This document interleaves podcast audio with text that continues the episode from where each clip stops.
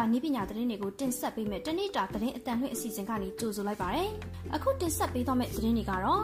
ထိုင်းနိုင်ငံဘန်ကောက် University မှာ COVID Release Scholarship ပေးရမယ်ဆိုတဲ့သတင်းအရွယ်အစားအလွန်သိငယ်တဲ့ Sika Game Gia Micro ဆိုတဲ့သတင်းဇွန်လ17ရက်မှာပြုလုပ်မယ် Sony PlayStation 5ပွဲဆိုတဲ့သတင်းတွေကိုတင်ဆက်ပေးသွားမှာပဲဖြစ်ပါတယ်ပထမဆုံးသတင်းတစ်ပုဒ်အနေနဲ့ထိုင်းနိုင်ငံဘန်ကောက် University မှာ COVID Release Scholarship ပေးရမယ်ဆိုတဲ့သတင်းကိုတင်ဆက်ပေးသွားမှာပဲဖြစ်ပါတယ်ထိုင်းနိုင်ငံဘန်ကောက် University အနေနဲ့ COVID-19 အလွန်ထိုင်းနိုင်ငံမှပညာသင်ကြားလိုသူမြန်မာကျောင်းသားကျောင်းသူတွေအတွက် COVID Release Scholarship တွေကိုပေးအပ်သွားဖို့ရှိတယ်လို့ Crown Education ကနေသိရပါတယ်။ပညာသင်ဆုကို August လကျောင်းဖွင့်ချိန်အတွက်ပေးအပ်သွားမှာဖြစ်ပြီးတော့2020-2021ကျောင်းဝင်ခွင့်အတွက် Marketing, Entrepreneurship, Digital Media and Design, Communication Strategies and Ideation, Culinary Arts and Design, Innovation Media Production, International Tourism and Hospitality Management ဘာသာရပ်တွေကိုတစ်နှစ်စာသင်စရိတ်ကန်ဒေါ်လာ3500ကနေကန်ဒေါ်လာ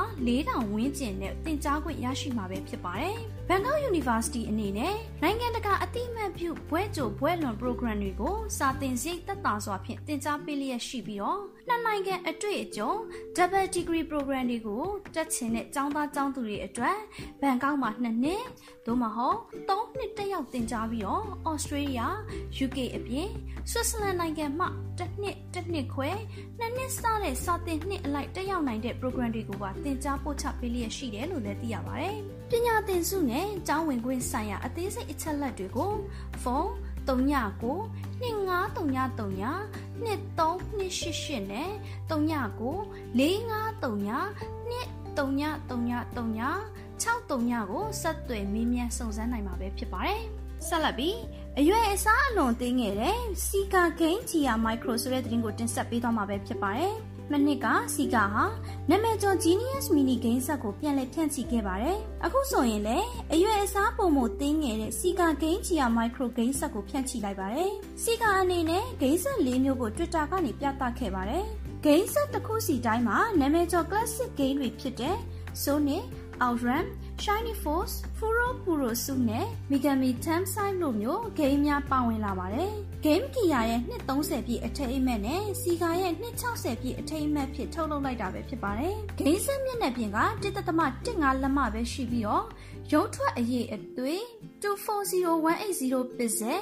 A3 လုံးအရွယ်တက်ခဲဒါမှမဟုတ် micro USB port နဲ့ထောက်ပံ့ထားပါတယ်။ ကိုရဲကမူလအရွယ်အစားထက်40ရာခိုင်နှုန်းပဲရှိတယ်လို့ Game Gear Micro က Amazon Japan စာမျက်နှာမှာဖော်ပြထားပါတယ်။ Game set အယောင်တစ်မျိုးစီမှာပါတဲ့ game တွေကမတူညီပါဘူး။ စီကာဂိမ်းကီယာမိုက်ခရိုကိုဒေါ်လာ90နဲ့အော်တိုဘာလ10ရက်မှာစတင်ရောင်းချမယ်လို့လည်းသိရပါတယ်။ဂိမ်းဆက်တစ်စုံလုံးကိုဝယ်ယူမယ်ဆိုရင်တော့ဒေါ်လာ260ကျသင့်ပါမယ်။ဒါအပြင်စီကာကဂိမ်းဆက်မှာဂိမ်းတွေရှင်းလင်းစွာကစားနိုင်မှုအတွက်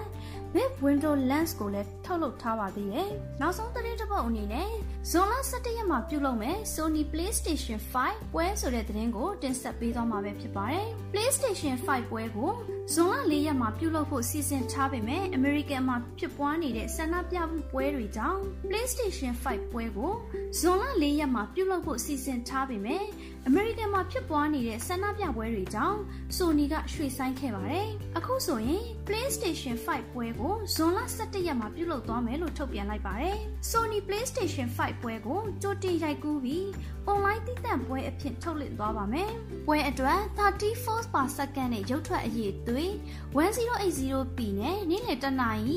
Pacific အချိန်ည8နာရီ UTC မှာထုတ်လွှင့်သွားမယ်လို့လည်းသိရပါတယ်။ Sony အနေနဲ့နှက်ချက်နဲ့နားထောင်ဖို့အကြံပြုထားပါတယ်။ပွဲအတွင်းအတန်ပိုင်းဆိုင်ရာကအလွန်ကောင်းမွန်ပြီးတော့ဖုန်းဒါမှမဟုတ် laptop speaker ကနေတဆင့်အတန်နားထောင်နိုင်မယ်ဆိုရင်အရသာအပြည့်အဝရဖို့ခက်နိုင်တယ်လို့ Sony ကပြောထားပါတယ်။ပွဲအတွင်း Sony က